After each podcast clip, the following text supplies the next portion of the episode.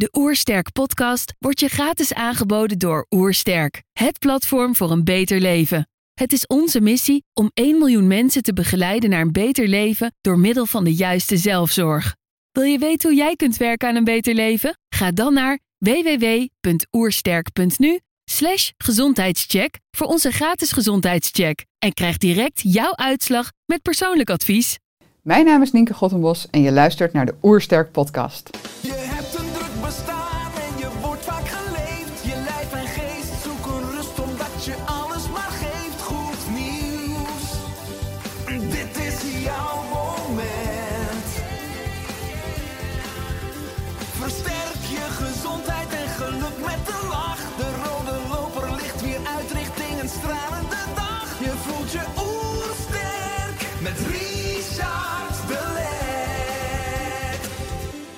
We zijn hier in Heemskerk voor een podcast met Nienke Gottenbos.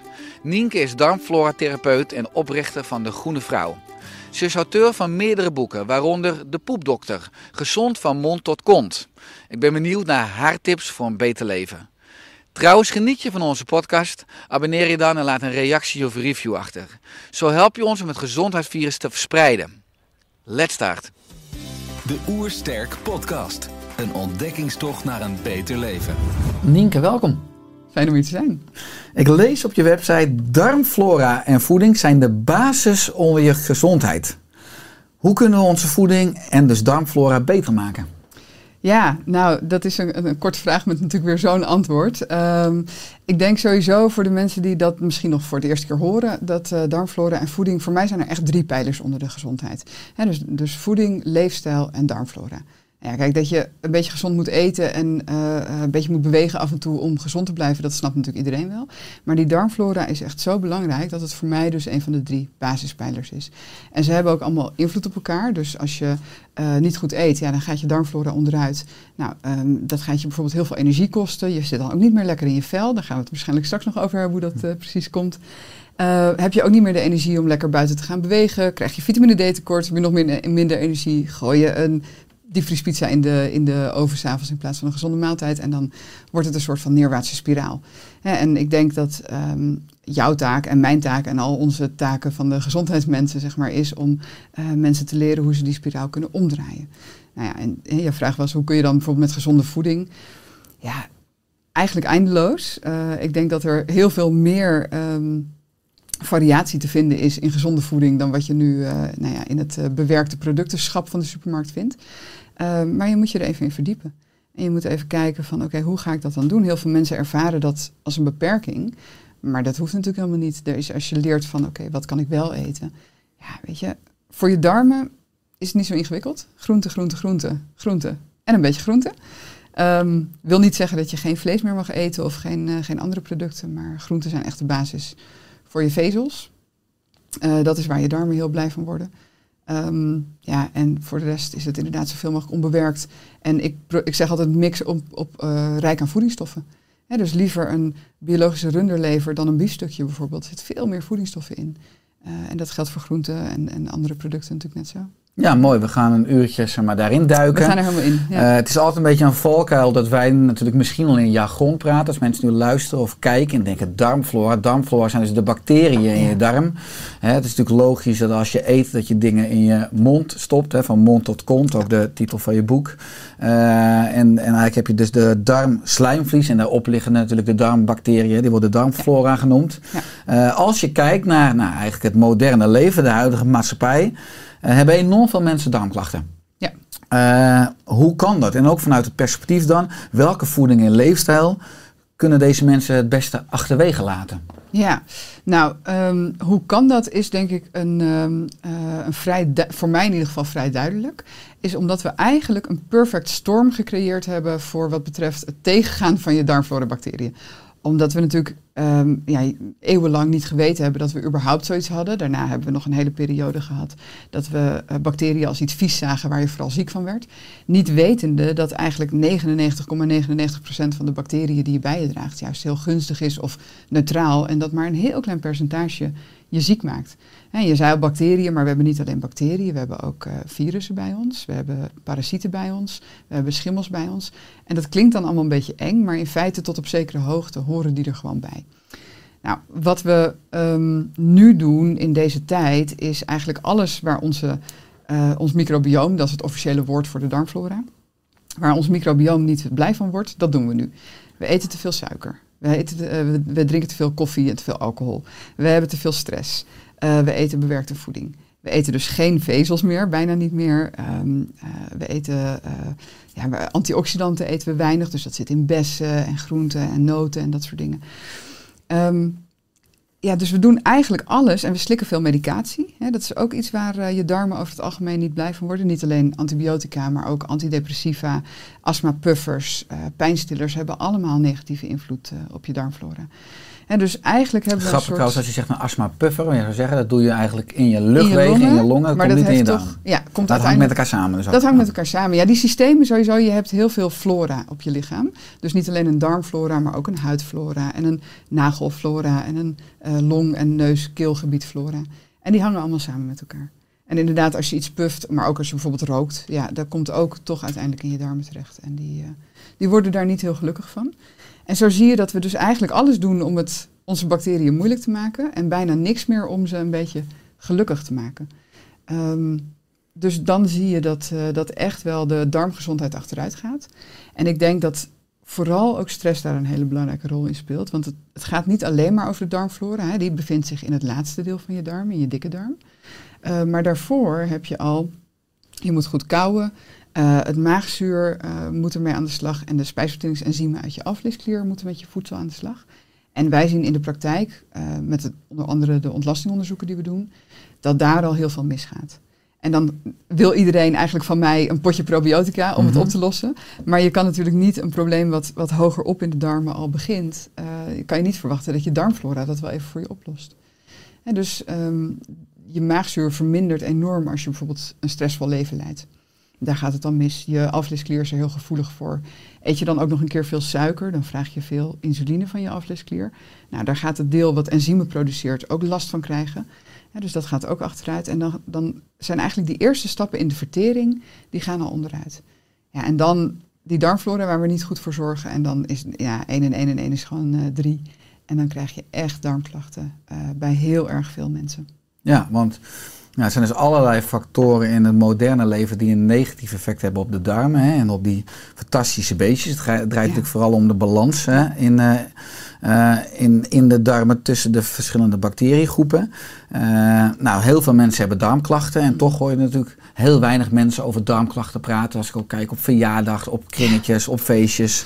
Ja. Dus, dus er- op een of andere manier is er toch een soort schaamte om ook te praten over darmklachten. Hoe komt dit?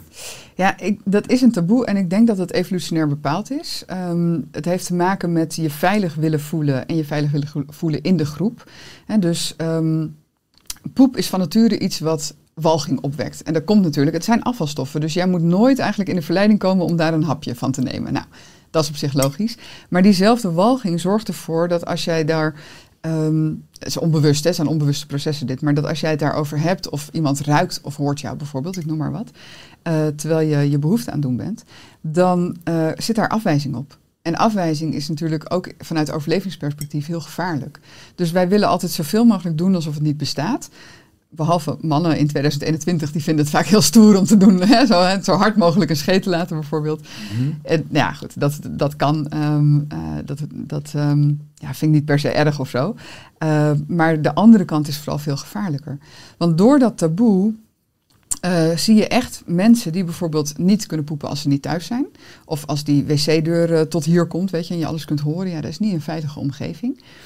Ehm, je moet je ook voorstellen vanuit weer evolutionair oogpunt. Als je gaat hurken om je behoefte te doen, daar is niet een, eh, dan kun je niet zomaar opspringen om weg te rennen voor een sabeltandtijger. Dus dat moet een veilige omgeving zijn. Nou ja, zo'n hokje waar je alles kunt, kunt horen en ruiken, dat is natuurlijk niet heel veilig. Ehm, maar ook daardoor ehm, eh, zie je dat mensen gewoon niet met elkaar het daarover hebben en dat ze ook dingen missen. Dus ik heb om een voorbeeld te geven wel eens een, ehm, eh, een blog geschreven natuurlijk over, over darmklachten en dat soort dingen. En dat iemand echt onder blo- dat blog schreef, ik verlies wel eens bloed tijdens mijn ontlasting. Heb je een tip? Ja, mijn tip is om gisteren naar de huisarts te gaan. Ja, en dat lijkt exact. voor ons heel logisch. En het was ook niet dat die persoon dom was of zo. Maar dat gaat natuurlijk niet van vandaag op morgen. Dat gaat geleidelijk. Ja, als jij nergens last van hebt en morgen heb je ineens een wc vol bloed, ja, dan zit je zo bij de huisarts. Maar als je een keer afweegt en je denkt, oh, oh nou, misschien heb ik een, eh, een kloofje of een aanbijtje of zo. Mhm. En het wordt steeds erger. En je hebt het daar nooit over met mensen. Ja, dan is de, de, de druk om naar de huisarts te gaan is dan veel minder.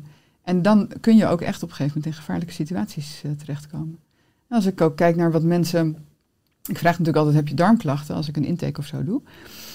En heel veel mensen zeggen nee. En dan zeggen ze ja, ik heb wel een beetje opgeblazen gevoel of ik heb wel een beetje verstopping.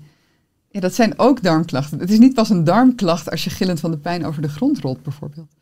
Dus eh, mensen mogen echt veel eerder aan de bel trekken. En ik denk ook als je het er meer met elkaar over hebt, dat het genormaliseerd wordt en dat je ook eerder hoort van, oh, dat wat er bij mij gebeurt is misschien, dan moet ik toch eens even kijken wat er aan de hand is. Ja. En als je hem omdraait, wanneer hebben mensen geen darmklachten? Dus wat is dan een goede stoelgang of Goede een goede darmfunctie? Ja, het is eigenlijk, ehm, eh, nou, mag één of twee keer per dag, of ook wel één keer in de twee dagen, als dat jouw ritme is en je hebt verder geen, eh, geen klachten. Eh, dat het soepel komt. Mooi gevormd worstje. Als je op internet kijkt, de Bristol Stool Chart, die eh, gaat van konijnenkeutels naar, eh, naar diarree. Nummer drie of vier, ja? Ja, nummer drie of vier is mooi. En eh, niet een halve rol wc-papier nodig hebben om schoon te worden. Het ruikt ook niet bij mij zelfs naar viooltjes. Maar het moet ook niet zo erg stinken dat je echt denkt dat de, de, de chemische oorlogvoering is uitgebroken. En, ehm, en tot slot, eh, eh, je mag dus geen, niet pijn of een opgeblazen gevoel hebben.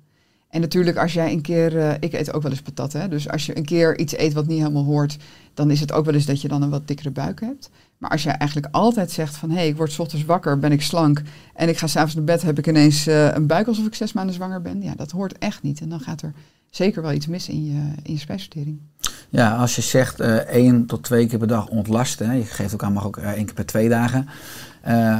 Maar staat er ook een bepaalde tijd voor? Want er zijn ook heel veel mensen die nemen een krant mee naar het toilet. Of die Mm. nemen dan een Duck of in ieder geval een magazine mee. Omdat die wel een half uur bijvoorbeeld of een Ja. uur op het toilet moeten zitten. Wat ook al norm geworden kan zijn. Hè? Dat je, nou, ik Ja. zit altijd een uur op het toilet. Ja, ja, Is er ook een bepaalde tijdsduur waarbinnen je optimaal moet ontlasten? ja, een minuut. Een minuut. Nou ja, dat is, dat is niet, niet, niet officieel, mag ook Mhm. twee minuten zijn. Ja. Kijk, en ik, eh, Maar gewoon vlot. Maar vlot. Eigenlijk gewoon, je gaat zitten, het komt en het is klaar. Ja. En dat mensen eh, voor de ontspanning even een half uur op de wc zitten, dat juich ik eigenlijk alleen maar toe. Maar als je dat nodig hebt om echt eh, je ding te kunnen doen, ja, dan, dan gaat er iets niet goed en dan neigt het al naar verstopping. Mhm. En dan, dan is het ook belangrijk om te kijken naar wat is daar de oorzaak van. Ja, ja het is interessant natuurlijk verleden jaar toen de coronacrisis uitbrak. Eh, maart 2020 was er een tijdje, tenminste een enorme run op wc-papier. Ik vond het ook enorm grappig om te zien, omdat ik altijd het grapje maak van als je echt goede ontlasting hebt, dan valt er niets af te vegen. Ja. Dus waarom heb je zoveel wc-papier nodig? Dat was een mooie afspiegeling dat er heel veel mensen plakpoep hebben. Ik bedoel, eh, zeker ook in de zomer of in horeca, als je op toiletten kijkt, ook in toiletten, dan zie je hoeveel mensen plakpoep hebben. Hè, wat ook weer een afspiegeling is van spijsverteringsorganen. Eh, als je ook kijkt naar afgelopen coronajaar, want je zegt al die floren hangen met elkaar samen. Het advies om onze handen hè, continu te desinfecteren Mm. en te wassen. Vind je dat een goed advies?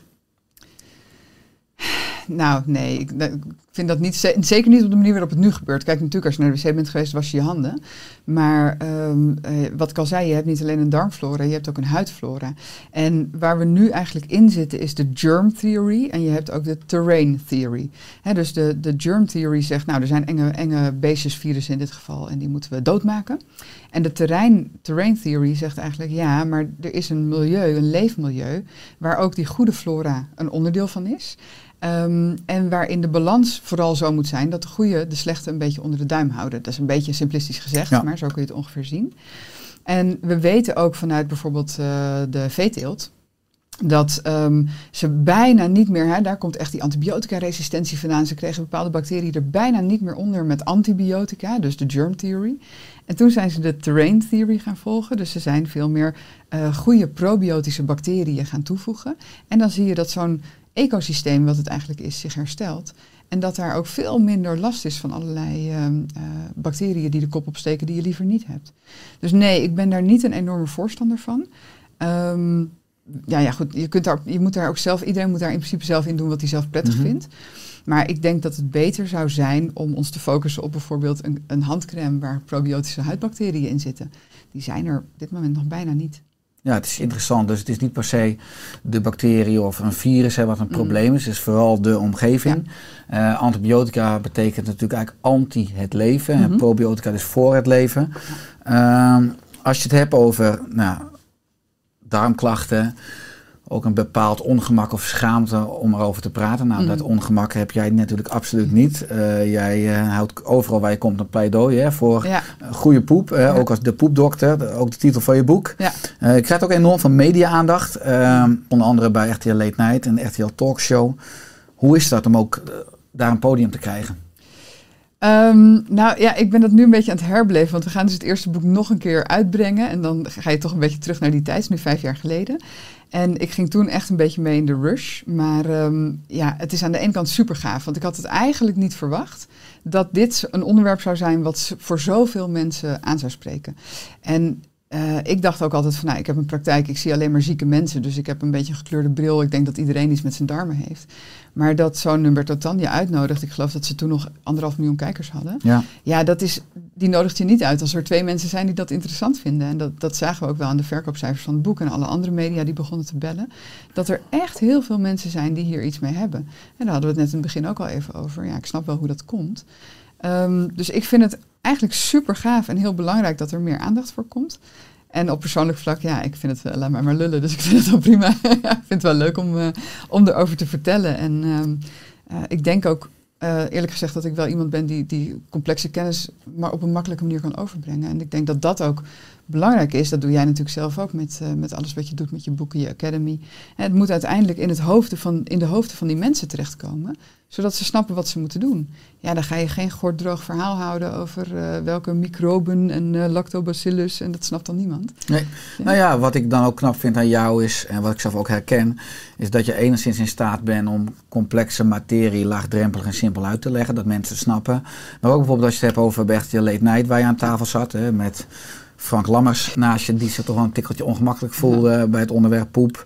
Maar ook je zat bij eh Twan Huis, hè, Mhm. de RTL Talkshow, met onder andere Ad Royakkers aan tafel, Ja. waar je toch vrij vaak ziet dat mensen vanuit ongemak of zo ook grapjes gaan maken. Ja. En het is een- natuurlijk een heel serieus, ook ernstig onderwerp, eh, wat over ons allemaal gaat. Ik bedoel, je houdt niet een presentatie dat je zet over zeilboten. En Nee. dat je zegt, ja, ik hou niet van water en van boten, dus ik luister niet. We hebben allemaal ontlasting. We hebben allemaal darmen. We hebben allemaal in ons leven af en toe darmklachten. Eh, maakt het dan dat extra uitdagend? Want het is natuurlijk wel inderdaad, je hebt het over een soort energiemanagement ook aan die tafel. Het is live, Ja. je moet alert zijn, je moet het rem zijn. Je moet ook inspelen op nou, wat er gebeurt, ook met grapjes. Je moet de leiding terugpakken, wat je goed deed. Dat, Ja. is, dat is toch, denk, lijkt me, dat lijken me leerzame lessen ook voor je. Ja, ja nou ja, wat, wat, eh, eh, ik weet dat jij werkt ook met energie, dat doe ik ook. Op zo'n op zo'n opname is het gewoon go, go, go. En wat je niet weet is dat ik ben opgegroeid tussen de krakers. Dus ik heb gewoon ook een grote bek. ik kan echt wel. En ik vind het ook, ik vind er mag echt humor in. Dat zit ook volop in mijn boeken en in eigenlijk alles wat ik doe. Ehm, maar het blijft ook een serieus onderwerp. En, en dat wil ik wel graag, eh, als je dan toch de kans hebt, dan moet dat, moet dat ook besproken worden. Dus inderdaad, ja, ik pak het zo weer terug. En, eh, maar ik, eh, ja, ik heb een grote mond en ik, ik klets er wel onder. Dus die basis eh, is een zegen van je. Dat ja. al, tussen de krakers opgroeide. hoor. Ja, precies. Als ik ook wat terug ga op jouw levenspad. In 2006 gaf je al workshops over Ja. kruiden, over etherische olie, over het maken van producten. En waar kwam deze interesse toen al vandaan? Nou, ik ben echt heel jong begonnen en dat vind ik nu een ontzettende blessing eigenlijk. Dat ik kwam van de middelbare school. En nou, ik- mijn, mijn levenspad loopt iets anders dan dat van anderen. Dus ik heb eerst een kind gekregen en toen ben ik eh kruidengeneeskunde gaan studeren. Waar iedereen kunstgeschiedenis en weet ik veel eh, rechten ging doen. Dacht ik, nou ja, dit lijkt me echt super tof. Ik had een boek gekregen van mijn moeder over kruiden. En ik moest en zou dat gaan doen. En als je daar dan ehm, iets mee wil, dus je wil een praktijk, ja, dan moet je natuurlijk je medische basisvakken halen. En daar was een docent die super enthousiast was over de darmflora en ehm, eh, daar heel veel over vertelde. En mij eigenlijk ook liet zien van, hé, hey, die kruiden is leuk om een beetje een zetje in de goede richting te geven, maar de basis zit hem bij je darmen en bij voeding. En toen ben ik daarna nog voeding en gezondheid eh, gaan doen. Eh, het is wel leuk, want ik heb nu een stagiair die, eh, die doet diezelfde opleiding, maar die opleiding is natuurlijk ook doorgeëvalueerd. En eh, hij kon nu bij mij ja, allerlei andere dingen doen voor zijn onderzoek. Ehm, Ja, ik vind het super interessant, het hele, het hele vakgebied. En eigenlijk ook waar ik heel erg van hou, is een beetje Dr. House spelen en eh causale verbanden. En als het klopt, daar word ik ook heel gelukkig van. En in het lichaam klopt alles uiteindelijk. Als je maar weet hoe de routes lopen. En daarom sta ik soms ook zo ontzettend verbaasd. Ehm, ik, ik heb alle respect voor de reguliere medische wetenschap. Ik werk ook graag samen als het, eh, als het even kan. Maar ik sta soms verbaasd van de hoeveelheid cliënten die bij mij komen, die eigenlijk denken dat ze in het ziekenhuis al helemaal binnenstebuiten gekeerd zijn. En uiteindelijk dan het plakkertje PDS hebben gekregen. Ehm, en dan vraag ik, goh, oké, wat hebben ze allemaal gedaan? Nou, tot een slang in mijn achterstaan toe. Oké, heb je ook wat Scopieën dus. scopieën? Ja. Ja. Heb, je, heb je al wat eh, eh, ontlasting ingeleverd om te kijken of er parasieten zijn? Nee, dat hoefde niet. Of ja, die had ik wel, maar dat kon het niet zijn volgens de dokter. En dan, ja, dan sta ik echt met verbazing te kijken. En ook qua voeding. ehm, toevallig heb ik laatst nog even, opgezocht wat zijn eigenlijk de huidige richtlijnen, bijvoorbeeld bij PDS. Ja, de wetenschap spreekt de patiënten tegen, want de wetenschap zegt eigenlijk dat je alles mag eten en er is geen bewijs voor dat voeding een invloed heeft, maar alle patiënten rapporteren dat voeding wel een invloed heeft. En dan denk ik, ja, dat is niet zo gek als jij een soort containerbegrip maakt waar helemaal niet een, een eh, waar niet iedereen hetzelfde, dezelfde oorzaak heeft voor de klachten die ze hebben, dan ga je natuurlijk merken dat de ene keer brood weglaten wel effect heeft en de andere keer niet. Als je niet de oorzaak uitzoekt, ja, dan kan je ook niet gericht schieten. En dat is wat, eh, wat wij in de praktijk nu veel doen met ontlastingonderzoek, bloedonderzoek. Gaan we echt de oorzaken bekijken. Eh, zijn er allergieën? Zijn er parasieten? Hoe is het met je eh, basisspijsvertering? Speelt stress een rol? Ja, al die aspecten. Die, die, en daar kun je nog zo vreselijk veel uithalen als je, als je maar bereid bent om verder te zoeken. Mhm. ja. Is het een gemiste kans dat er in de geneeskunde dan misschien zo weinig kennis is van de darmflora? Of misschien ook de natuurgeneeskunde? Hè? Want normaal een MDL-arts heeft een opleiding van 12 jaar. Mhm. dat, dat, dat is Ja. fulltime. Dus Ja. alle tijd om ook een beetje bijscholing te krijgen over eh, bijvoorbeeld over kruiden. En heb je, maar je bent begonnen vanuit de kruidengeneeskunde, zijn er ook fascinerende verbanden met betrekking tot kruiden en darmflora, wat je ook kan vertalen naar je bord. Als mensen nu luisteren, je zegt ook, zou je iedere week dit kruid eten of dat wat vaker in je voeding doen, heeft een fantastisch effect op de darmbacteriën. Ja, nou ja, kijk, over, over die MDL-artsen. Ik denk helemaal niet dat die mensen weinig kennis hebben. Die hebben absoluut heel veel kennis. Maar vanuit een opleiding loopt zoiets wel eens een beetje achter. Dus als er vandaag een onderzoek uitkomt, dan wordt dat niet morgen op die opleiding gedoseerd, zeg maar. En ehm, ehm, eh, qua voeding, ja, dat weten we denk ik allemaal, dat artsen niet heel veel voedingsuren krijgen in hun opleiding. En dat is denk ik heel zonde. Ehm, terwijl inderdaad in de wetenschap zie je wel dat er daadwerkelijk heel veel informatie over vrijkomt. Hè. Kruiden als kurkuma, gember, pepermunt, tijm, eh, dat zijn allemaal kruiden die een invloed hebben op de spijsvertering. Betekent ook, vind ik, dat je er niet zomaar licht mee mag omgaan. Kijk, als jij eh, eh, een beetje gember door je eten doet, daar, dat, dat, dat, is, hè, dat is prima. Dat is zelfs heel gezond. Ik denk dat dat een van de manieren was waarop wij van oudsher meer variatie in onze voeding hebben gebracht. En ook eh, onze darmen onder andere gezond hebben gehouden. Omdat je steeds eigenlijk op die manier een klein beetje bijstuurt. Hè, kurkuma, gember, dat zijn eh, ontstekingsremmende kruiden. die ook de spijsvertering wat stimuleren. Zorgen dat je wat meer maagzuur gaat aanmaken. Dat het eigenlijk allemaal wat beter loopt. En dat je lever wat meer gal afgeeft. En dus dat je spijsvertering wat soepeler loopt. Ehm, maar als je dan... eh, ja, als je dan echt... Je ziet ook wel eens mensen die drinken gewoon twee liter gemberthee op een dag... omdat ze het zo lekker vinden. Dat is weer een beetje overschieten. Want het blijft wel een geneeskrachtig kruid. Dus je moet daar ook met voor overprikkeling Ja. Ja, en je wil niet dat het kruid het systeem gaat overnemen. Mhm. En je wil dat een, een prikkel geven waardoor je eigen systeem het weer gaat overnemen. Ja, dus Ja. paracelsus zijn natuurlijk al of het gif is of niet, dat hangt af van de dosis. Van de dosering, ja. Dus je, kruiden zijn natuurlijk in mijn optiek ook natuurlijke, subtiele medicijnen. Maar het is Mhm. juist ook extra belangrijk om lage dosissen ook vooral te variëren met kruiden en specerijen. Ja, te variëren. En goed, als je echt in medicinale dosissen gaat werken, is het heel belangrijk om echt goed te weten wat je doet. En dus ook in de gaten te houden dat een kruid gaat het niet oplossen. Als jij elke week eh, drie keer bij de, bij de snackbar eet, ja, dan kan je niet verwachten dat een Hmm. beetje kurkuma dat voor jou gaat eh, verhelpen. En dus de basis blijft liggen in voeding, eh, beweging, leefstijl, ontspanning. Ja. Als je het hebt over, eh, nou, je werd jong moeder, hè, Mhm. zeg je. Je bent moeder van twee kinderen. Ja. En de jongste werd in 2007 geboren. Eh, ja, klopt. Ja, ja, check het even. ja, heel goed. Eh, mijn research of dat klopt. Hè. Eh, maar je ziet dat kinderen, natuurlijk, ik ben zelf ook natuurlijk vader van twee zoons, maar die zitten steeds meer achter schermpjes. Heel veel kinderen eten enorm bewerkt en ook kunstmatig. Zie je ook in de pra- praktijk dat steeds meer kinderen last hebben van nou, darmklachten of obstipatie, diarree. Ja, ja, heel veel kinderen inderdaad eh, die darmklachten hebben, maar ook eh, wat, ik de- wat denk ik nog veel duidelijker is, is dat eh, die neven eh, aandoeningen. Dus bijvoorbeeld eczeem. Eczeem, maar ook ADHD. Ja, daarin zie ik echt een hele sterke relatie met eh, de darmflora en met voedingstekorten bijvoorbeeld. En bij eczeem is het, eh, ja, ik heb daar niet harde cijfers van, maar in mijn beleving is het echt wel 90, 95 procent een darmflora die niet op orde is. En ook in 90, 95 procent van de gevallen speelt daar een voedingsallergie mee- bij mee. En dat is ook de meerwaarde van onderzoek, want als je dat eruit gaat halen en je, je dus echt kunt zien van, oh, het is wel de melk, maar niet de gluten, of andersom, of allebei. Ja, dan kun je heel gericht eh, met scherp gaan, gaan schieten. Ja, en dan, dan zul je ook zien dat je eh, echt van binnenuit het probleem oplost. In plaats van dat je steeds maar moet blijven smeren, bijvoorbeeld met die cortisolzalf. Ja, dus dat zeg je goed. Hè? Heel veel mensen die nu ook luisteren en kijken zullen herkennen dat als je eczeem hebt of huidklachten, dan ga je naar de huisarts. krijg je vaak dus een hormoonsalfje.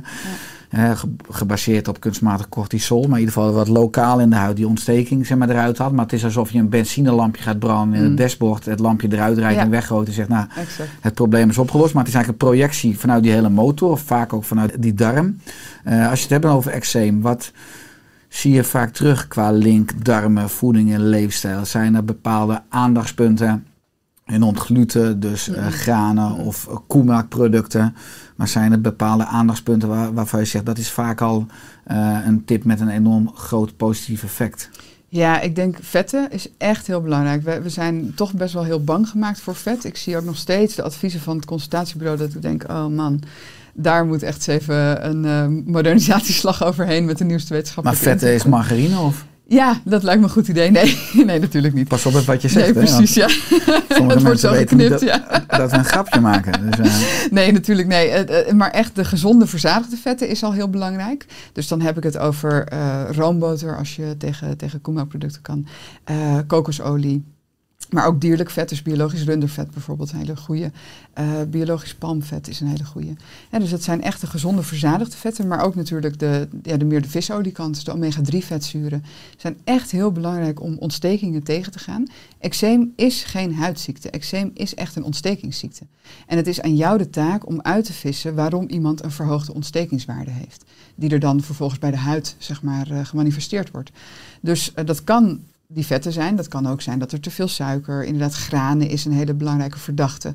Koemelk ben ik niet per se tegen als in eh, de echte melk die recht uit de uier van een biologische koe komt, is krachtvoer, is borstvoeding, zou perfect kunnen zijn.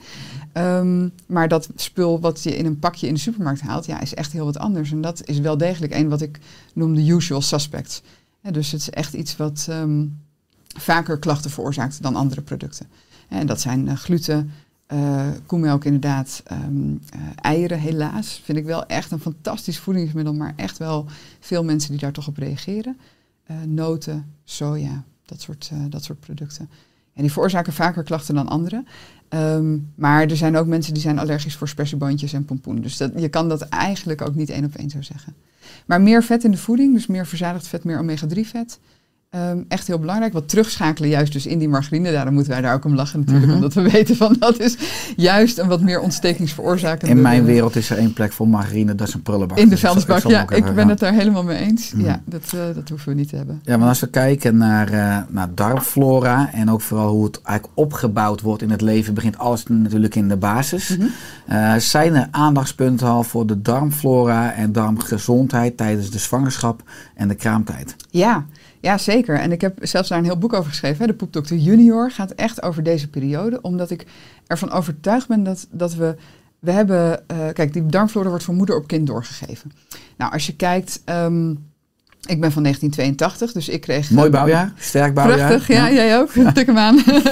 Ehm, maar eh, wij, misschien jij ook wel. Ik kreeg met drie maanden lichaam met sinaasappelsap Ja, eh, in mijn babysnuitje gelepeld. En heel veel antibiotica, want ja, dat was toen. Ehm, dus ik heb niet een hele sterke darmflora van, van nature meegekregen. Mijn moeder, jaren 60, 70, eh, veel witbrood, jam, siroop. Mijn oma, hongerwinter nog meegemaakt. En dan zie je eigenlijk dat vanaf pakweg de industriële revolutie... van moeder op kind die darmflora steeds slechter is geworden. En wat denk ik echt ook bijdraagt aan eh, de premisse waar we nu in zitten. Dat, er, dat mensen gewoon heel veel sneller ziek worden en, en van alles ehm, mankeren. Ehm, wat ook weer met die ontstekingen te maken heeft. Hè. Dus die darmflora is een belangrijke onderliggende tak van dat er veel ontstekingsactiviteit gaande is. En eh, daar krijg je weer hart- en vaatziekten, Alzheimer enzovoort van, eh, onder andere. Beetje kort door de bocht gezegd, maar goed, je snapt wat ik Je bedoel. hebt ook weer eigenlijk het hologram. Alles hangt dus weer Precies, met- alles hangt met elkaar samen. Ja. Nou, en ik ben er echt van overtuigd dat als we weten ehm, hoe we die darmflora weer kunnen rekoloniseren, want we, we weten ook vanuit archeologisch onderzoek dat, onze, dat we heel veel bacteriën kwijt zijn geraakt. En dus onze verre voorouders hadden een veel uitgebreider microbioom, veel meer diversiteit. Dat is best wel een sleutelwoord. Diversiteit is goed. Hoe meer bacteriesoorten, hoe beter. En wij hebben dat niet meer. En ik ben er echt van overtuigd als je dat bij wijze van spreken kunt herwilderen. Hè, dus zorgen dat er weer meer verschillende soorten in die darm komen. Het liefst voor de zwangerschap, maar in ieder geval tijdens de zwangerschap. Dat moeders ook weer meer kunnen gaan doorgeven. eh, tijdens de bevalling, maar vooral ook tijdens de borstvoeding. Heel veel mensen weten dat nog wel van die bevalling, maar ehm, het microbioom wat een baby krijgt is eigenlijk vooral het borstmicrobioom van de moeder. En dat lijkt heel erg op haar darmmicrobioom. En je ziet ook dat als haar darmmicrobioom gezonder is, dat haar borstmicrobioom ook gezonder is. En dat een baby dus ook veel meer dat meekrijgt. En dan krijgen ze ook gelijk het lunchpakketje mee. Hè? Want in die borstvoeding zelf zit, eh, zit ontzettend veel wat die bacteriën kunnen eten. Eh zitten ook stoffen die de, de, de, darmen, de darmpjes van de baby die nog onderontwikkeld zijn eigenlijk, dat ze, eh, die dat kunnen beschermen. Ja, dat is, dat is zo'n perfect systeem. Dat kun je bijna niet eh, verzinnen. Mooi, ja, dus je maakt nu een aantal stappen in één. Dus eigenlijk Ja. als een baby zeg maar, nog in de buik zit van, van, van zijn of haar moeder, Ja. dan zijn de darmen dus steriel, er zit nog niets in. En, Nee, dat is niet waar. Oh, nee, nou, dat denk ik al mensen. Nee, want ehm, je hebt ook een, een baarmoedermicrobioom. Dus, nou ja, jij niet, maar ik wel. kind is al in het vruchtwater al aan het happen. Mannen hebben ook een prostaatmicrobioom. Dus er zitten echt overal bacteriën. En eh, inderdaad, ook hoe beter weer de darmflora van de moeder, hoe beter haar eh, baarmoederflora. En sterker nog, het blijkt zo te zijn dat vooral je mondflora daar heel veel mee te maken heeft. En we zien ook eh, onderzoek dat vrouwen die heel veel caries hebben en veel tandvleesontstekingen, dat zij helaas gevoeliger zijn voor miskramen. Omdat die bacteriën vanuit, hier gaat dat dan bloeden, hè, die bacteriën kunnen de bloedbaan inkomen en komen dan bij de baarmoeder terecht. En gaan daar allerlei ellende veroorzaken. En dus eh, ook daarin is het echt, ja, het is een holistisch model. Je moet echt overal naar kijken. Ja, mooi. En dan wordt Ja. dus op een gegeven moment eh beginnen de weeën en op een gegeven moment door het vaginale traject komt zeg maar, via de Ja. mond van het kindje ook al in aanraking met de vaginale flora. Ja. En eh, als een kind geboren is, dan dus iedere keer dat het op het tepelhof, dus borstvoeding krijgt, dan krijgt het ook dus die bacteriën van mama mee. En met de leefstijl en de voeding voor de zwangerschap en in de zwangerschap heeft moeder dus invloed op al die vaginale flora, op die Ja. baarmoederflora, op die eh tepelhofflora. Dat hangt ook weer allemaal met elkaar samen. Dat hangt allemaal met elkaar Dus samen. En vanuit je kind ook- de beste start geven, moet je hier dus eigenlijk Je ook over zelf. nadenken. Ja, je moet zelf. En ik, ik geef zelfs ook moeders altijd als, als advies van als je iets wil eh, bij je kinderen, ga, ga eerst naar jezelf sowieso. Omdat je, als je zelf al uitgeblust bent, hè, net als wat je, nou ja, de veelgehoorde uitspraak als eh, in het vliegtuig de zuurstofmaskers Mhm. naar beneden komen, moet je ook eerst die van jezelf opzetten, niet die van je kind. Maar daar begint het. En ja, daarin zie je ook hoe, ik vind dat dus zo mooi hoe dat in elkaar grijpt. Hè. Die baarmoederflora blijkt een soort primerlaagje te leggen, een soort grondverf over die baby heen. Waardoor de vaginale en de eh, darmbacteriën van de moeder, hè, want eh, vrouwen zijn altijd heel angstig voor, oh dan ga ik poepen tijdens de bevalling. Maar dat hoort eigenlijk. Er horen gewoon in ieder geval vloeistoffen vrij te komen. En eh, die koloniseren de baby ook. Ja, en dan stap 2, de tweede kolonisatie, is echt met die borstvoeding. Ja, het, het systeem is, eh, daar valt niks op, eh, op af te dingen, is gewoon perfect. Ja. Magisch en mooi. Ja. Eh, thuis heb ik zelf een aantal huisdieren. Ik ben gek Mhm. op dieren. Ik heb een kat, een Maine Coon. Ik heb een hond, een Malteser. We hebben kippen. We hebben nu net een, trouwens nieuwe zijdehoenderskuikens. Nu, nu nog in de woonkamer onder een warmtelamp. We hebben vogels. En in de Poepdokter Junior hè, lees ik... Als je kinderen hebt, heb je ook huisdieren. Kun je dit toelichten? Er zijn mensen die nu luisteren en denken... nee, ik heb geen huisdieren, maar wel kinderen. Ja. Nou, nogmaals, dan heb je ook huisdieren. Ja, ja, nou dat gaat dus over de darmflora. Hè? Mm. Dus dat ze die, eh, die bacteriën met zich meedragen. Eh, sommige kinderen hebben iets meer huisdieren als ze bijvoorbeeld wormpjes hebben. Eh, dat is, als dat een keer gebeurt, want dat kun je overal oppikken, weet je, in de, in de zandbak op het liftknopje. Dat is niet zo, niet zo moeilijk. Ehm, maar als dat vaker gebeurt, ik vind het ook niet zo'n enorme ramp om daar even zo'n wormenpilletje van, van de drogist zeg maar, voor te gebruiken. Die zijn niet heel zwaar voor je darmen, dus dat is op zich, kan dat wel. Ik zou er wel probiotica naast geven. Maar als dat vaker gebeurt, dan is het wel een teken dat de balans in die darmen niet helemaal optimaal is. En dan is het wel goed om daar naar te gaan kijken van wat, wat gebeurt daar dan. Maar ja, over huisdieren gesproken, eigenlijk wat jij doet is, is perfect. Want we weten dat er vanuit onderzoek ook eh, bekend is dat kinderen die met dieren opgroeien, en dan met name ook op de boerderij, bij voorkeur ook in een moestuin, dat die veel minder vatbaar zijn voor bijvoorbeeld dus eczeem en astma. Omdat ze veel meer in contact komen met, eh, met levende bacteriën. Dat eh shaped eigenlijk, dat geeft vorm aan hun eigen darmflora. Die darmflora wordt bij kinderen de eerste twee jaar ongeveer opgebouwd. Ehm, en daarna ja, sluit het de window of opportunity. Dus dan, dan moet, het, moet er zoveel mogelijk diversiteit ingekomen zijn. Eh, dus hoe meer ze vanuit dieren zeg maar, meekrijgen, hoe beter hun darmflora opgebouwd wordt, hoe beter hun immuunsysteem getraind wordt en hoe minder vatbaar ze dus zijn voor allerlei allergieën en ellende op latere leeftijd. Ja, als je het hebt over eh, nou ja, de moderne tijd, hè, we leven niet meer in de oertijd, dus er is een compleet ander voedingsaanbod. In die zin kon de oermens niet een, uh, nou, een uh, Brinta-papje nemen of uh, sinaasappelsap uit een pak. Nou, je had het over wat wij inderdaad te eten kregen in ons bouwjaar, waar ja. het al niet optimaal was. Ja. Nu zie je ook dat baby's nog steeds vaak in de eerste jaren krijgen ze hapjes en papjes met ingrediënten zoals granen en koemelk. ja, wat is jouw visie daarop en wat zou eventueel optimaler zijn? Ja, nou buiten wat ze krijgen is vooral wanneer ze het krijgen echt al heel belangrijk. Je ziet eigenlijk nog steeds op alle papjes en prutjes en dingetjes uh, vier maanden staan. Ben ik het echt absoluut mee oneens. Als je kijkt naar de opbouw van uh, de darmen, en dat heeft ermee te maken dat je tussen de darmwandcellen heb je uh, verbindingen, dat heet tight junctions. Die zijn bij een baby nog niet aangelegd als die geboren wordt.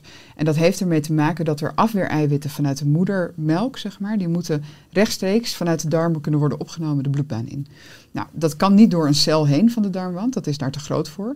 Dus die, die schuifdeurtjes noem ik het altijd, die, die staan een beetje open om die afweereiwitten uh, door te laten.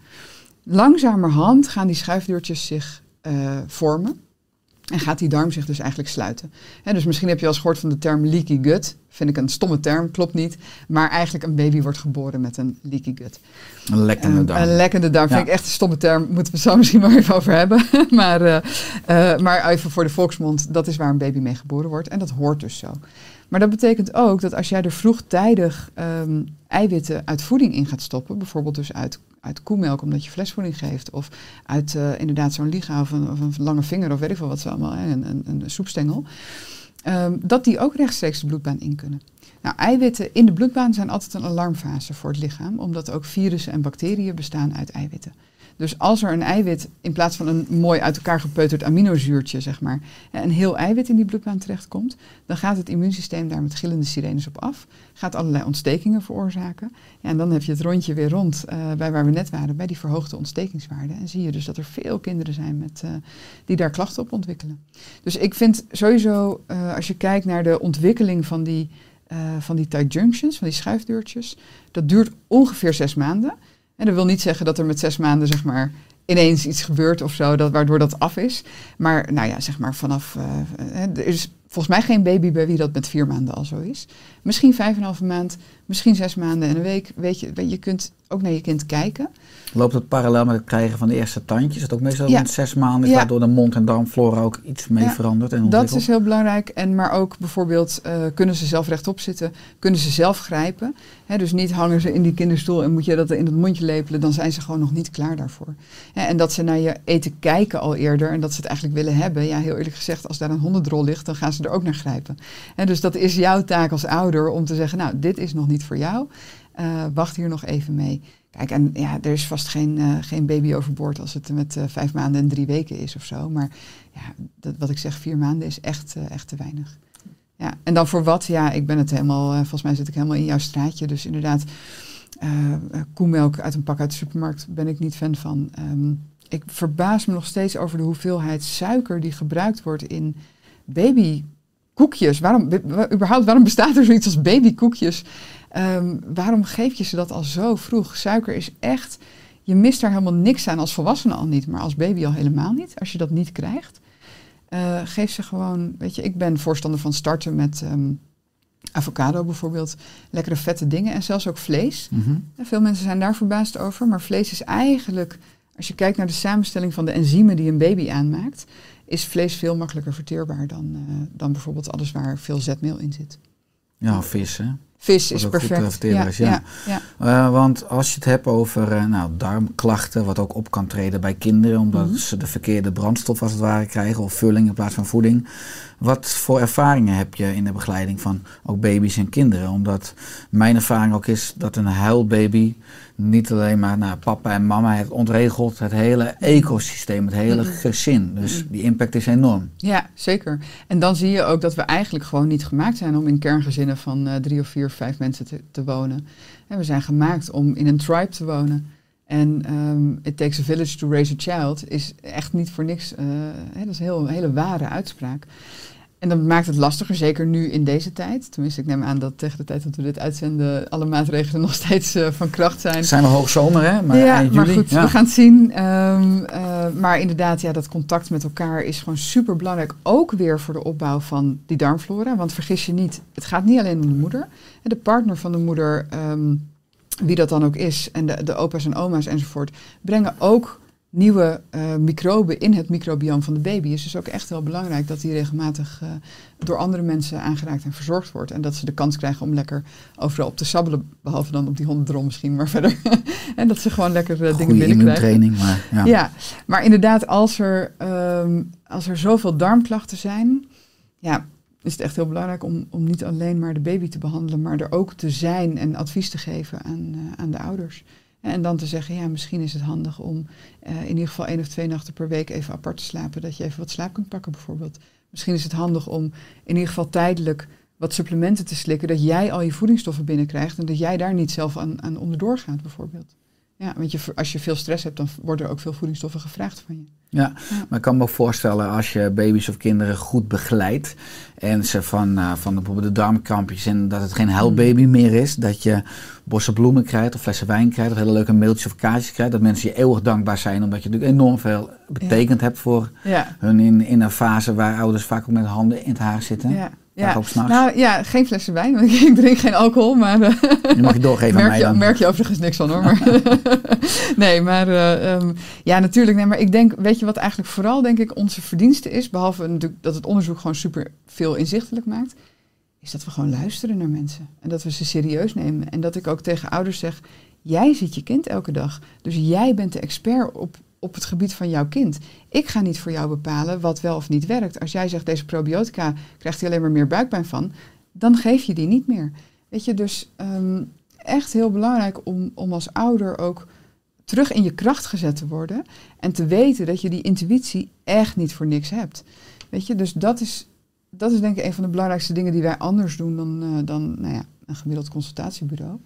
En wat gewoon echt heel belangrijk. En ik verbaas me ook daar weer nog steeds hoor. Dat ik had laatst ook weer een kindje in een consult met veel verstopping. Alles ondersteboven gekeerd. Ik zeg, nou heel eerlijk gezegd, aan die darmflora, met de onderzoeken die we hebben gedaan, ik zie niet zoveel wat er mis is. Geen parasieten, geen. Ik zeg, hebben ze bij, wat doe je qua voeding? Nou ja, dan inderdaad toch weer de boterhammetjes en de. Zeg, nou, als je eerst eens gaat kijken of we misschien even tijdelijk in ieder geval de gluten eruit kunnen laten. Om eens uh, te, kijken of dat uh, voor je werkt. Zag ook wel in de uitslagen dat daar iets uh, niet helemaal lekker liep. Maar meer vezels. Hè, dus meer groenten, maar vooral meer vergeten groenten. Meer vetten, meer vocht. Allemaal tips die zij gewoon nog niet hadden gekregen. En dan, ja, dan vraag ik me echt af wat we aan het doen zijn met z'n allen. Ja, als je nu, dat is een goede tip, je zegt van uh, stoppen ze bijvoorbeeld een tijd met gluten. Ja. Dat komt natuurlijk vaker teruggekomen in de Oorstek podcast, ook met andere gasten. Als mensen nu ook luisteren of kijken, zeggen ja, ik ben een gewoontedier. Ik ontbijt en lunch eigenlijk iedere dag met brood. Wat zijn variaties om dan bijvoorbeeld een tijd geen gluten te nemen, dus geen brood te eten? Mm. Nou, ik, ik geef altijd als advies om helemaal inderdaad niet over brood na te denken. Dus om je lunch te vervangen door een groentelunch. Dat is trouwens ook handig, want als jij zeker 400, 500 gram groente op een dag binnen wil krijgen, dat red je niet met alleen je avondeten. He, dus uh, een salade, gelukkig komt nu het saladeseizoen er weer aan. En dan niet drie blaadjes slaan met een tomaat en een komkommer. He, maar gewoon echt lekker veel uh, dingetjes, artichokharten, uh, eitjes erin, dat soort dingen. Um, kiesjes ben ik heel erg fan van. En dan dus of met een glutenvrije of zonder korst. Uh, soep is ideaal. Dus inderdaad, uh, pompoensoep is net uh, de periode geweest. Zoete aardappelsoep, uh, broccolisoep. En je kan van elke groente eigenlijk wel soep maken. En ik geef ook altijd wel als advies om het sowieso niet te vervangen met al die kant-en-klare glutenvrije producten. Want daar zit nog veel meer rotzooi in dan in een gewoon product. Om het maar zoveel mogelijk op dat gewone product te laten lijken. En dan gaan mensen bij mij terugkomen en zeggen, ja, ik heb glutenvrij gegeten, maar ik had nog meer een opgeblazen buik. Ja, dat is niet zo gek. Eh, als je echt, ik geef wel altijd aan van probeer wel om het een en ander in huis te halen voor als je het echt even niet weet. En dat je dan niet hoeft terug te vallen op de gewone boterhammen, maar haal dan bijvoorbeeld van Ralf eh, een Jam Dezem of zo. Weet je, dat is best heel goed te doen. Kan Je het brood van Ralf Moorman. Ja, het. Sorry, ja, ja. het, het Jam, Jam Dezembrood van Ralf Moorman inderdaad. En die kun je invriezen en in de, in de broodrooster gooien. En dan heb je toch je broodje. Ehm, Met het brood van haver. Ja, Ja. ja. het is glutenvrij en, ehm, eh, en daar zit ook niet, want in heel veel van die glutenvrije producten zit er bijvoorbeeld veel aardappelzetmeel. Of de- weet je, en dat is eigenlijk, daar wordt, je, nee, daar wordt niet iedereen zijn darm blij van, laat ik het zo zeggen. Ja, je zei net dat je ouders ook stimuleert om te luisteren naar intuïtie. Er is natuurlijk ook een link tussen de darmen en het brein. Moeten mensen vaker hun onderbuikgevoel volgen? Ja, zeker. Ja, die, die link is heel duidelijk. En ehm het is wel interessant, want nu voor het nieuwe boek ben ik natuurlijk weer opnieuw daarin gedoken van hé, wat zijn daar de, de nieuwste inzichten in? En eh, dat gaat echt heel ver. Hè, zover dat je bijvoorbeeld, ehm, eh, als je in een restaurant zit, stel je gaat naar een eh, Grieks restaurant en je krijgt er onwijs ruzie met, je, met, je, met degene met wie je bent. En eh, dan gaat jou, gaan jouw darmen gaan dat nog eerder dan jouw brein associëren met oké, dan gaan we niet meer eten. Want hier is stress. Eh, en dan elke keer als jij nu Grieks gaat eten, dan krijg je last van je darmen. En jij denkt dat je allergisch bent geworden voor Grieks eten, maar dat is eigenlijk dus die stress. Dus er is een ongelooflijke sterke link. Er gaat ehm, één eh, zenuwbaan van je hersenen naar je darmen, om ze te vertellen wat ze moeten doen. Er gaan er vier terug. Dus je haalt zo ontzettend veel informatie uit je voeding en wat er gebeurt in je, eh, in je darmen. En er blijken ook bijvoorbeeld eh, bitterreceptoren te zitten, niet alleen op je tong, maar ook in je darmen. En dan kom je weer terug bij die kurkuma, wat natuurlijk een bitter kruid is. Die blijken weer een invloed te hebben op, ehm, op je hongergevoel en je, je, je, je gevoel van verzadiging bijvoorbeeld. Ja, dat vind ik zo gaaf, dat er gewoon steeds meer onderzoek komt en steeds meer duidelijk wordt dat we steeds die puzzel verder kunnen uitgraven. Ja. Mooi. Je maakte net een opmerking toen ik eh, zei van krijg je eens flessen wijn, ik drink geen alcohol. Is dat ook vanuit het perspectief van alcohol en darmflora? Ja, eh, dat is altijd het punt dat mensen mij niet meer zo aardig vinden als ik zeg, ja, alcohol is echt niet goed voor je darmflora. Eén glas alcohol ehm, eh, per dag geeft al meer kans op SIBO. En SIBO, dat is een aandoening waarbij de bacteriën die eigenlijk in je dikke darm thuis horen, gaan verhuizen naar je dunne darm.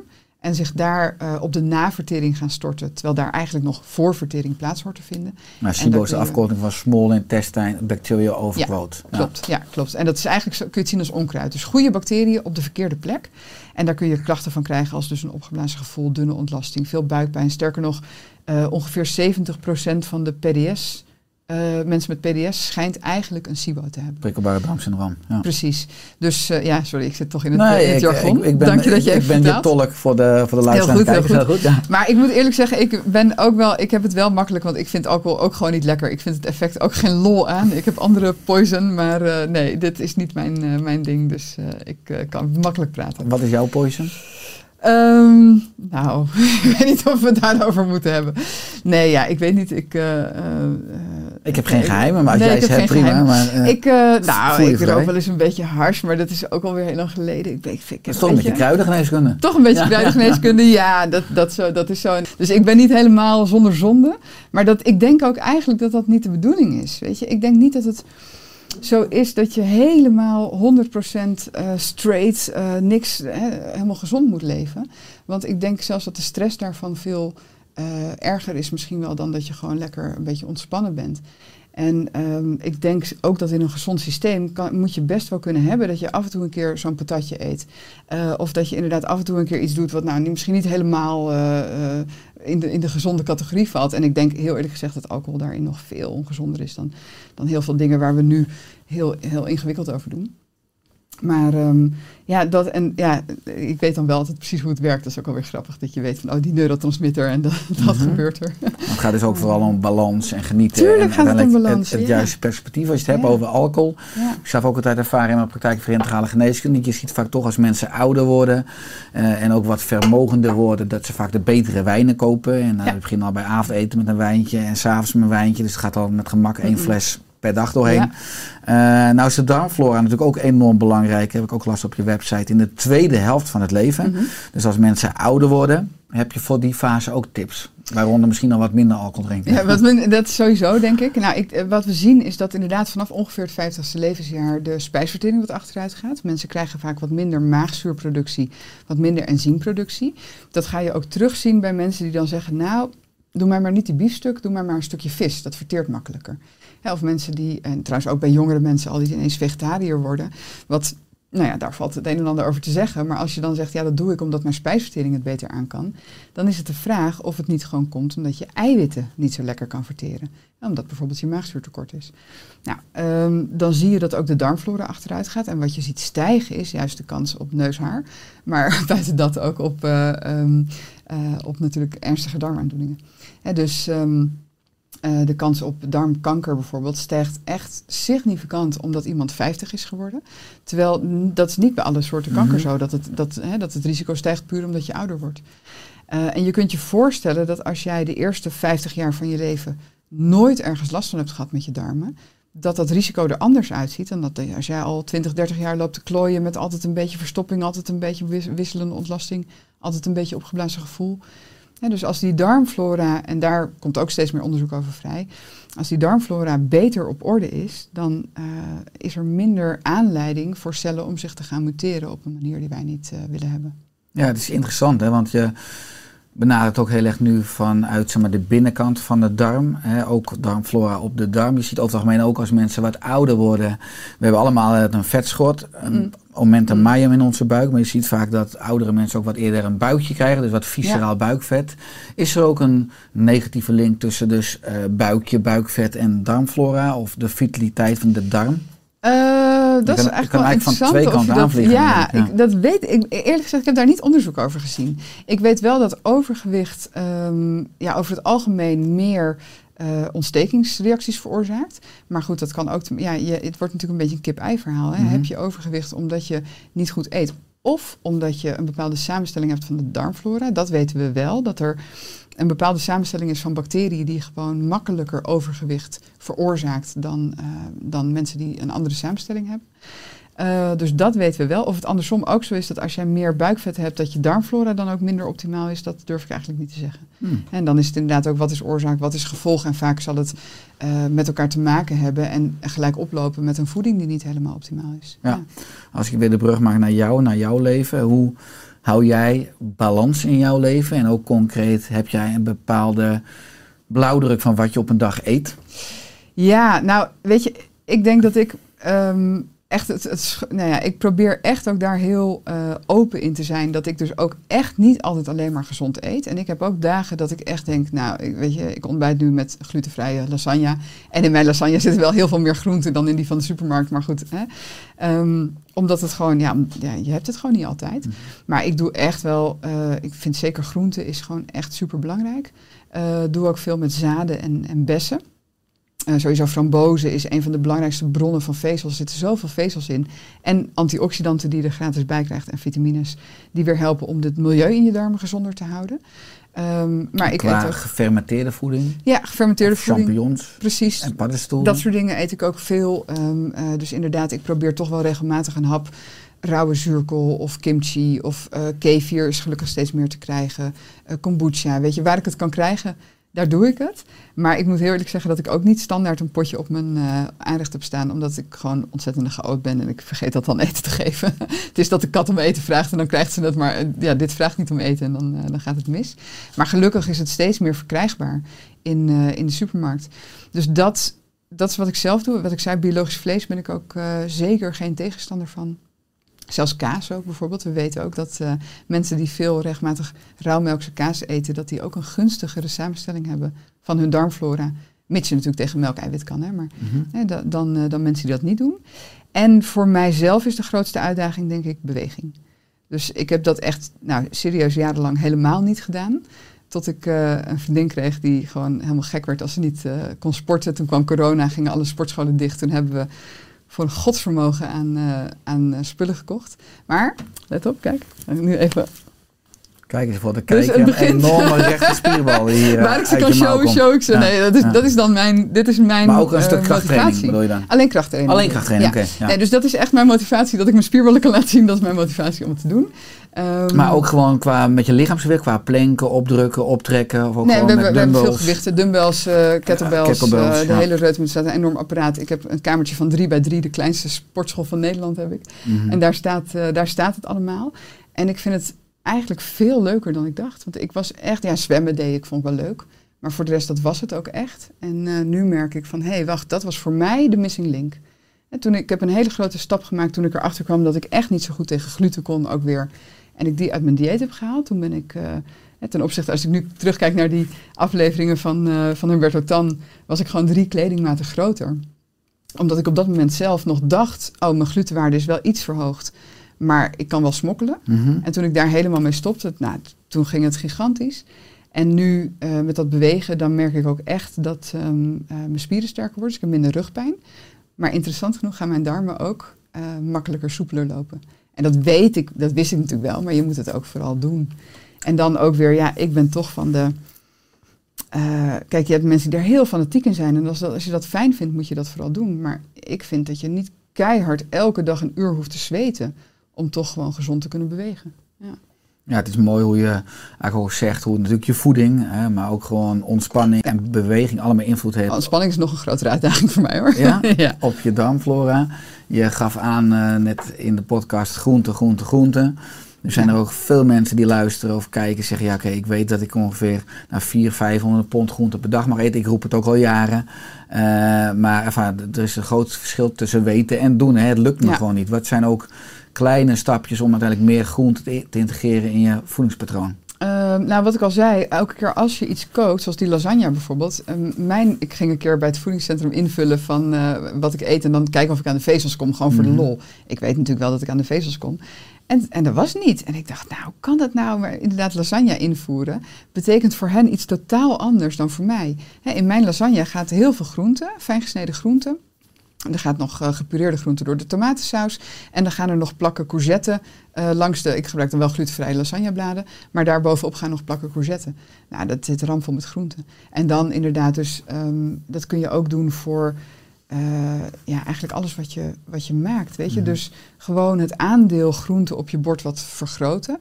En dan moet ik wel zeggen dat, zeg maar, doodgekookte spruitjes... Ja, daar ga je misschien de oorlog niet mee winnen, zeg maar. Maar je Ja, zou ook dus- natuurlijk soepen, saus, salades. Soepen, zijn ook salades. allemaal fantastische middelen om heel Ja. veel groenten binnen te Maar ook- smokkelen. ook het simpele, eh, hoe simpel het eigenlijk is om bijvoorbeeld een soep te maken. Als je een, eh, een willekeurige groente, die snijd je, die bak je aan met een beetje nou, olijfolie of, of roomboter of kokosolie.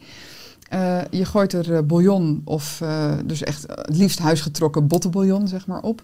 Of desnoods gewoon water en een biologisch bouillonblokje als je een beetje smokkelen, wil Mhm. smokkelen. Je laat het even koken en je pureert het. Klaar. Weet je, en dan kun je er nog wat eh, gehakt en wat fijn gesneden, ehm, eh, bijvoorbeeld soepgroenten, bak je even op en dat gooi je er doorheen voor de extra vulling. Ja, dan ben je en sneller en gezonder en lekkerder bezig dan als je helemaal naar de supermarkt moet, daar bij dat schap een blik eruit moet trekken, weer naar huis en dat weer. En dat is, nou ja, over het algemeen ook niet heel, eh, niet heel smakelijk. Wat wij vaak doen, is dat we op zondag een enorm grote soeppan maken. Ja. En ook in bakjes dat Ja, invriezen. bedoel, dat, je maakt het één keer en Ja, je gooit gewoon die maar pan dat is met vol. hè. alles. Ja. je vriezer is echt je beste vriend, weet je. Maak, geen één, maak niet één kies, maar maak er twee. Als je dan toch die lasagne maakt, maak zo'n bak en vries het in. Ja. Als je kijkt naar, eh, we hebben ook een keer een paar jaar geleden samen op het podium mogen Mhm. staan. Tenminste na elkaar op een congres waar we beide een presentatie gaven. eh, gaven. Eh, ik lees dat je nou, eigenwijs bent. Hè. Ik hou ook enorm van mijn eigen wijsheid. Dat lees ik hè, zowel op je site als in je diensten. Maar je zegt ook dat je dat in het echte leven bent. Wat brengt deze eigenwijsheid jou? Dat ik mijn echte eigen authentieke pad volg. En ehm, dat kan ik ook niet anders. Weet je, ik zei al, ik heb sinds eh, vorig jaar eh, een vriendin. Nou, daarvoor had ik bijvoorbeeld alleen maar eh, relaties gehad met mannen. Ik heb daar toen nog een blogpost over geschreven wat de wereld daar dan van vond. Maar eigenlijk, ja, ik vind het dan grappig om daarop af te reageren en een grappig stukje tekst te schrijven. Maar eigenlijk, ja, ik ben nooit uit een kast gekomen. Ik heb er nooit in gezeten. Ook met de weg die ik heb gelopen met mijn be- bedrijf en mijn beroep. Ik heb het allemaal zelf uitgevonden. Dat betekent ook dat het soms zwaarder is dan als je een gebaand eh, pad loopt. Maar het is wel helemaal zoals dat ik vind dat het zou moeten zijn. En daar kun je dan mee eens zijn of niet mee eens zijn. Maar ik ben er in ieder geval, ik kan er 100% achter staan. En ook ehm, bijvoorbeeld in spiritualiteit. Ik weet dat jij ook wel bezig bent eh, met dat onderwerp. Dat, dat ligt ook in mijn, eh, in mijn pad wat ik loop. ehm, ja, dat is, niet heel, dat is niet een heel gebaand pad. Maar dat brengt je wel heel veel inzichten en heel veel interessante kennis en gesprekken die je anders niet gehad zou hebben. Dus ja, ik, ik zou het niet anders willen dan, eh dan eh, stront-eigenwijs zijn, zoals mijn moeder dat noemt. Ja. Stond echt, wij sluiten mooi aan bij de poepdokter. Hè? Dus je eerste boek, die ben je nu weer bezig met in een nieuwe jas. Hè? Ja. Eh, wat is je, je droom of je missie ook voor aankomend jaar? Nou, ik, ik, toen ik het, het eerste boek dus weer opnieuw ging schrijven, we zijn nu vijf jaar verder en we waren toe aan de tiende druk. En toen dachten we, dat gaan we doen, gaan we iets bijzonders doen. Ik dacht, nou weet je, er is in vijf jaar, dit is natuurlijk een wetenschap die zo op het scherpst van de snede is, dat er elke dag wel nieuwe, eh, nieuwe onderzoeken uitgebracht worden. Eh, ik wil de inzichten van de afgelopen vijf jaar nog een keer eh, erbij inzetten. Dus we hebben het hele boek onder handen genomen. Toen ik eh, eh, daaraan begon, dacht ik, oké, wat ga ik nu voor nieuws toevoegen? Maar ik heb er gewoon een heel nieuw boek tussendoor geschreven eigenlijk. Dus het is ook echt wel weer de moeite waard om het weer opnieuw eh, eh, aan te schaffen. Met dus de laatste inzichten. En ik wil daar graag ook op verder. Ik denk dat het echt belangrijk is om die kennis nog beter, want ik ben natuurlijk ook vijf jaar gegroeid, zeg maar. Dus ik kan het denk ik nog duidelijker uitleggen. Ik hoop echt dat we weer lezingen mogen gaan geven, want dat vind ik toch een van de leukste dingen om te doen. Altijd als ik een boek heb geschreven, denk ik, ik ga nooit meer een boek schrijven. Maar dan, nou ja, geef me even een jaar of twee jaar, dan komt er wel weer eentje. Eh, ik heb ook al een nieuw onderwerp, maar goed, dat, eh, dat komt. Eh, maar lezingen geven is superleuk om te doen. Ehm, ik ben me aan het focussen op, op onze webwinkel. Die heb ik er vorig jaar weer terug bij gekregen. En dat vind ik ook eigenlijk weer heel leuk om die spulletjes weer echt door mijn handen te kunnen laten gaan. De Academy wordt groter, dus online leren. Ja, ik, eh, ik blijf heel erg bezig. Maar ik heb niet een vijfjarenplan waarvan ik zeg, ik wil over, hè, wat jij zegt, ik wil in 2022 1 miljoen mensen. Vind ik super tof dat je dat doet. Mag jij lekker doen en laat mij maar een beetje gewoon eh, mijn eigen gang gaan. Mooi. Mooi, Nick. Is er aan het einde van de podcast nog iets wat je graag wil aanvullen? Ehm, wat ik graag wil aanvullen, jeetje. Nee, ja, ik denk dat het, ehm, dat het juist zo mooi is dat eigenlijk wat jij en ik doen, maar ook een Ralf, een Juchlen, een Jes. Weet je, iedereen is zo lekker bezig om die gezondheid op zijn eigen manier onder het voetlicht te brengen. Dat dat gewoon heel belangrijk is, dat mensen ook snappen, ik hoef niet de een te volgen of de ander te volgen. Het is geen religie. Hè, maar dat we allemaal puzzelstukjes hebben die jou kunnen helpen om uiteindelijk een gezonder eh, leven te leiden en een vitaler leven en, en met meer energie. En dat de darmflora is daar een belangrijk puzzelstuk in. Beweging is daar een belangrijk puzzelstuk in. Eigenlijk wel, ja. Eet, eet van ieders balletje, zou ik zeggen. En eh, ja, dan kan het alleen maar goed gaan. Eens, en samen is veel leuker dan alleen. Zeker. We zijn trouwens allemaal te gast Ja. geweest in de podcast. Ja, weet Jochem ik, ja. Zwaan, Jesse Ja, van der Velde en. Ralf Moorman. goede vriendjes, ja. Waar kunnen mensen meer vinden over jouw dienst, over jou, over je boek, over je boeken? Ja, eh, de gro- groenevrouw.nl. De Groene Vrouw is mijn, eh, is mijn kernbedrijf, zeg maar. Eh, dus groenevrouw.nl. En eigenlijk vind ik het nu heel gezellig op Instagram. Dus Instagram slash de Groene Vrouw is, eh, is waar het feestje gevierd wordt op dit moment. Leuk, Nienke. En, eh, ja, Dankjewel voor je komst in de gedaan. podcast. Superleuk. En eh, dat we samen maar mogen bouwen aan een bewustere, gezondere wereld. Ook vooral qua darmflora en poep. Zeker. Dankjewel. Dankjewel.